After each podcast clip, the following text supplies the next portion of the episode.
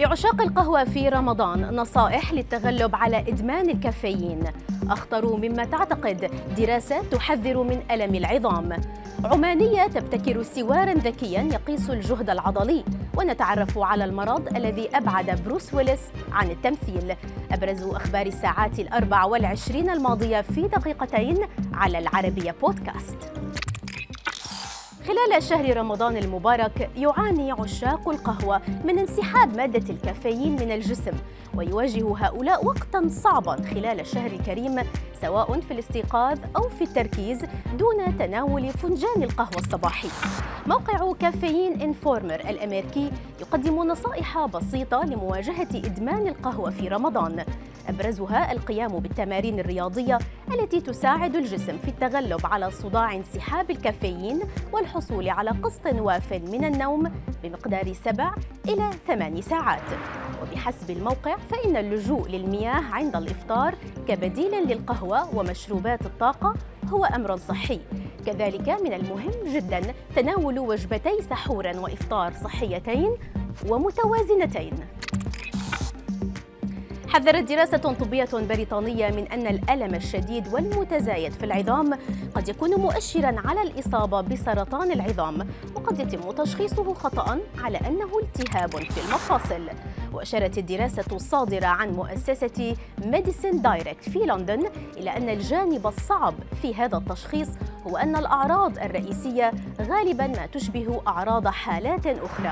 وأوضحت الدراسة أن سرطان العظام أكثر شيوعا في العظام الطويلة للساقين أو أعلى الذراعين على الرغم من أنه يمكن أن يحدث في أي جزء آخر من الجسم. مضيفة أن الأعراض الأخرى تشمل وجود نتوء على العظم أو حوله وحمى وتعرق وفقدان الوزن دون سبب واضح.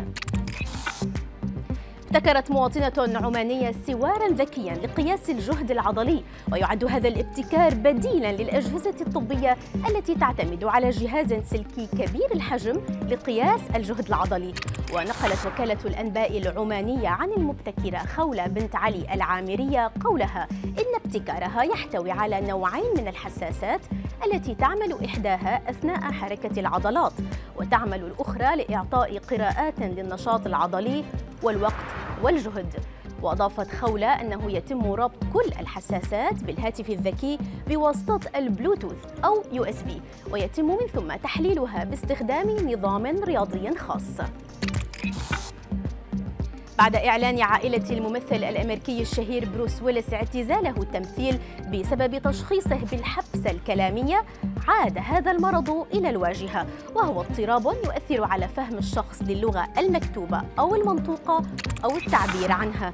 ويعاني حوالي مليوني شخص في الولايات المتحدة وحدها من مرض الحبسة الكلامية ما يجعله أكثر شيوعا من مرض باركنسون.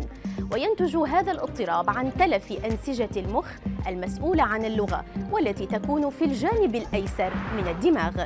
يمكن أن تظهر الحالة على أنها صعوبة في فهم اللغة أو تحدث اللغة أو كليهما. وغالبا ما يحدث هذا الاضطراب في فترة منتصف العمر. كما أن اضطراب الحبسة الكلامية ليس اضطرابا إدراكيا أي أنه لا يؤثر على ذكاء الشخص.